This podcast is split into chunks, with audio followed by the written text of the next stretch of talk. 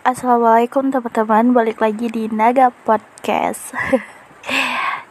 Kali ini sebelum kita mulai ke cerita aku pembahasan aku yang pertama, aku juga mau bilang kita ini punya kisah masing-masing dalam hidup kita.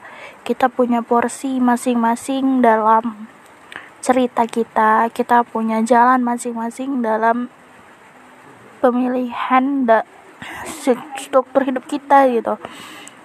Jadi kamu itu kamu, kita, dan aku tuh punya masing-masing tempat yang di mana kita tuh pasti bisa ngejalanin semua sendiri gitu. Jadi sebenarnya sih aku pernah kuliah. Kuliah di salah satu tempat sebelum aku kuliah di tempat aku yang sekarang. Mungkin teman-teman aku di kampus sekarang banyak yang belum tahu bahwasannya itu aku juga pernah kuliah gitu. Nah aku kuliah bukan karena apa gitu. Ya udah gitu kuliah ya kuliah aja gitu. Cuman kan kuliah kalau kita nyusahin orang tua kita kuliah cuman jadi beban. Itu rasanya zolim gitu apalagi di posisi sekarang. Saya kiri aku tuh udah nggak ada gitu.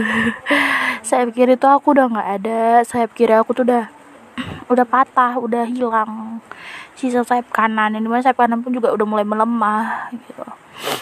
Jadi banyak banget yang bilang sama aku kenapa sih ninggali yang udah lama dengan sesuatu yang baru? Gitu. Aku rasa ya why not? Gitu. Kenapa enggak? Kenapa enggak kita ambil satu kesempatan yang memang benar-benar itu bisa merubah kita gitu. Jadi aku tuh lulus beasiswa di salah satu kampus Universitas Muhammadiyah Sumatera Utara. Aku tiga kali nyoba di Universitas Sumatera Muhammadiyah Sumatera Utara atau UMSU itu tiga kali dalam masa percobaan.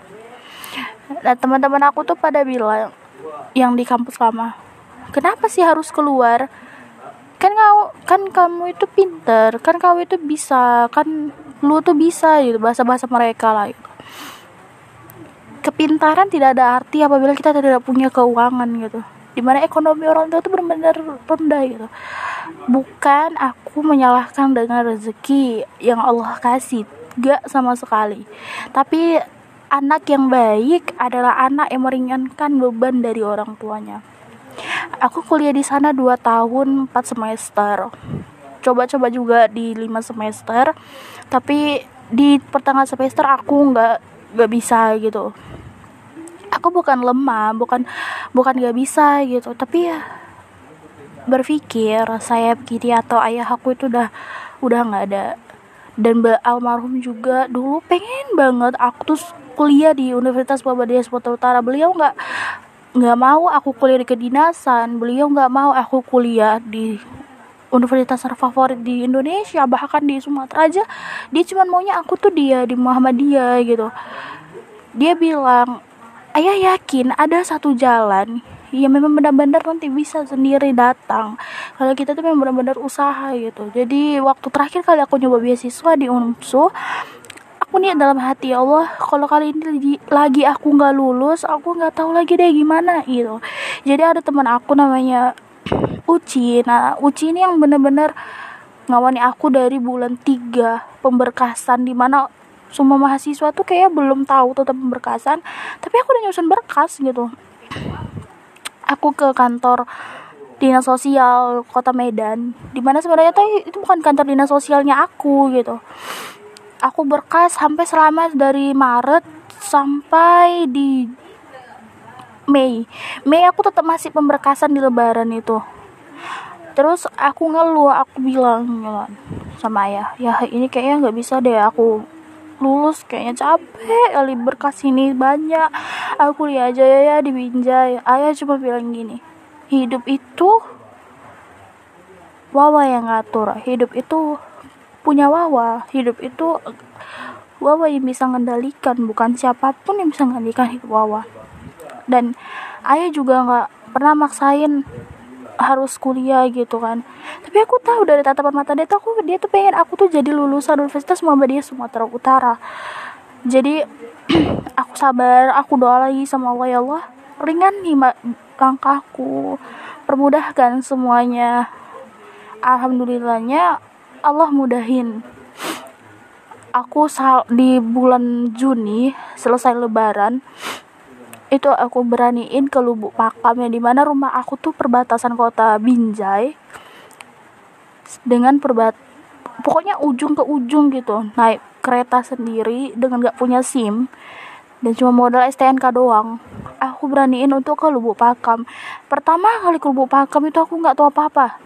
Aku bawa aja berkas yang dibawa dari dinas sosial sebelumnya yang salah itu aku bawa ke kantor dinas sosial Kabupaten Deli Serdang waktu udah dibawa kayaknya mau ke mana gitu kan. Nggak tahu arah pulang nggak tahu tempat. Sampai aku ngechat kakak-kakak yang tempat aku mengajar dulu. Aku bilang di sini ada nggak ya rumah saudara yang dekat lubuk pakam biar nade datengin? Nade bilang gitu kan. Terus mereka ya karena Allah itu sayang dibalas sama salah satu kakak-kakak itu kan. Nat ke sini aja rumah bude kakak deket belakang kantor katanya itu kayaknya ya Allah kayak terasa kali kayak Allah mudahin mudahin kali gitu prosesnya. Ya aku langsung siap itu berkas aku nggak ada yang salah. Mereka bentak gitu kan mana rekening listrik? Mana ini ini ya udah aku sodorin aja gitu. Karena aku yakin yang dibilang ayah kalau kita yang mengatur hidup kita dengan baik insya Allah kita baik gitu hasilnya. Pulang berani-berani ini baru pandai naik kereta asli baru pandai naik kereta pertama kali ke Lubuk Pakam jarak Lubuk Pakam itu ujung ke ujung sekitar dua jam setengah kalau kita bilang.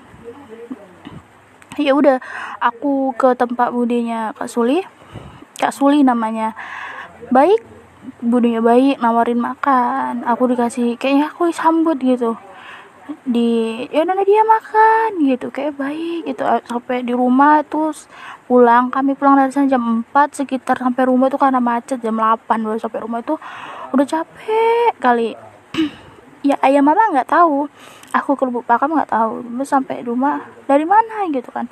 Dari lubuk pakam. Ya Allah itu jauh loh kata mama. Itu ayah belum pulang. Uh, itu jauh loh. Iya jadi kayak mana mak? Nanti nggak lulus loh mak pemberkasannya nggak apa-apa kan? katanya. Ya nggak apa-apa gitu. Uang minyaknya dari mana? gitu. Uang minyaknya tuh kayak ya aku tuh memang gak ada uang gitu kan. Cuman uang minyak tuh kayak ada gitu. Aku dikasih uang dua puluh ribu gitu sama abang dulu. Waktu mau pergi aku minta tapi dia bilang cuci celana dulu ya gitu kan. Jadi cuci celana aku dikasih uang. Itu jadi uang minyak. Pokoknya aku selesai berperkasan di Lubuk Pakan pulang. Ayah sholat isya. Dibilang mama anakmu itu dari lubuk pakam itu sendiri katanya. Ayah kayak terkejut ya terkejut ya kan? Namanya dia setahu dia itu aku tuh di dalam rumah aja gitu. Nggak nggak pernah keluar. Aku tuh jarang gitu. Selama dia kenal anaknya yang berapa tahun ini kayak baik gitu. Kok bisa ke pakam sendiri? Kan aku penakutan gitu anaknya tapi ya demi kuliah demi ngebahagiain dia. Kemudian nyusun berkas di umsu. Sampai di hari pemberkasannya itu beliau nanya udah ngasih berkas? Udah ya. Ya udah doa semoga rezekimu gitu. Biar nggak ada lagi beban bayar bayar uang kuliah bayar bayar ini bayar itu. Ya udah udah bayar. Terus aku cerita ke kepala prodi di kampus lama kenapa harus pindah kampus? gitu.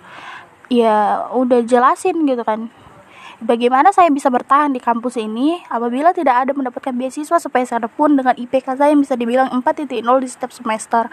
Dengan bagaimana saya bisa menghasilkan prestasi di dalam kampus ini dan beasiswa tidak sama sekali diberikan kepada saya pengurangan uang kuliah tidak sama sekali. Memang waktu itu Nadia ngambil di eksklusif tapi gak ada sama sekali pengurangan beasiswa bahkan Nadia sering kali ngajui beasiswa di kampus kemudian sampai keluar dari data data sekolah gitu yang akreditas. Akreditas prodi aku tuh masih C gitu kan kecewa gitu kan. Jadi apa sih sebenarnya maunya kampus ini gitu? Aku C uang kuliah naik. Ayah makin tua mama makin tua. Aku nih beban gitu kan mikir walaupun kerja tapi tetap beban gitu. Sampai di akhirnya aku mikir doa malam aku minta sama Allah pilihan di istiqoroh ya Allah kalau memang rezekinya di umso mudahkan. Mudahkan prosesnya beri jawaban semuanya. Tapi kalau memang bukan umsu jalannya ya udah tolong bantu ikhlas bantu buat ngerti orang tua tentang keinginan mereka gitu jadi sampai pengumuman inget banget pengumuman itu di awal September. Pengumuman di awal September lulus. Nama aku di urutan ke 67 dari 300 mahasiswa lebih dari 1000 mahasiswa yang mencoba yang lulus 312 mahasiswa dan nom nama aku di urutan 67 aku bilang sama ayah ayah aku lulus gitu. Aku lulus kuliah dengan gak bayar sama sekali uang kuliah. Aku dapat uang saku ayah. Dan ayah nggak perlu lagi mikir-mikir bayar uang kuliah gitu. Karena aku tahu standar rezeki mereka gitu kan dan ayah ayah tuh kayak bangga gitu sama aku. Kayak ya udah ya Allah alhamdulillah katanya gitu kan. Kuliah yang bagus kejar terus cita-cita gitu kan. Kayaknya dia tuh nasihat aku kayak kayak belum ada pirasat dia itu bakal pergi gitu kan. Jadi lulus sampai di akhirnya seminggu sebelum PK, PKKMB tepatnya tanggal 9 Oktober 2020 hari Seninnya tuh kan PKKMB Jumatnya itu dia dia ninggalin kami semua. Aku ingat tatapan matanya buat dia tuh bangga sama aku. Karena aku tuh bisa lulus beasiswa bisa memenuhi semua keinginan dia gitu. sampai pun dia hari akhirnya dia tuh bersama aku syahada sama aku dia ada di pelukan aku. Di hari akhirnya itu juga ya udahlah mungkin ini jalannya. Aku juga nggak mau ninggalin teman-teman yang di kampus lama bukan aku egois bukan aku bangga aku bisa kuliah di kampus lebih baik gitu. Cuman anak mana yang mau melihat orang tuanya itu nggak bangga sama dia? Minimal di akhir hidupnya dia tuh tahu aku tuh bisa ngebanggain dia gitu. Sampai di titik di mana ibu aku bilang jujur mama nggak bisa kalau kamu ambil dua kampus. Kenapa? Satu kampus satu kampus aja itu udah alhamdulillah kali di mana posisi saya itu udah gak ada gitu kan akhirnya aku bilang ya udah nggak apa-apa ninggalin satu kampus. Tapi insya Allah ada jalannya gitu kan. Ya udah setiap aku kuliah kayak nggak nggak pernah gitu lengah lengah males malesan karena alhamdulillah teman-teman di umsu juga baik-baik teman-teman di kampus sama baik gitu kan. Walaupun mereka di kampus sama pasti kecewa sama aku kenapa aku ninggalin kuliah di semester yang udah tinggi? gitu tapi kalaupun bertahan kan sama aja gitu kan. Karena porsi rezeki orang itu beda gitu. Dan aku yakin ini amanah kali sama ayah untuk bisa menyelesaikan segala uh, pendidikan gitu. Jadi itu aja penjelasannya buat teman-teman yang mikir aku tuh jahat ninggalin kampus lama. Karena kayak egoisan demi Allah nggak ada. Demi Allah ini real ini atas kemauan dari orang-orang yang paling aku sayang aku bakal ngejalanin ini insya Allah kalian sukses di sana. Kalian bakal wisuda pertama kali walaupun di usia aku yang udah dibilang satu kelas itu aku yang paling tua ya no problem. Karena orang yang menuntut ilmu itu nggak ada yang mikir usia gitu. Semua orang berhak menuntut ilmu di usia berapapun. Dan mungkin ini jawaban dari di setiap doa-doa aku minta buat kuliah gratis. Aku janji nggak bakal ngelupain semua kenangan yang ada di kampus selama walaupun kita ketemu cuma dua hari dan kalian adalah sebaik-baiknya kawan selama di kampus lama. Tetap semangat, tetap menjalani hari-hari yang baik.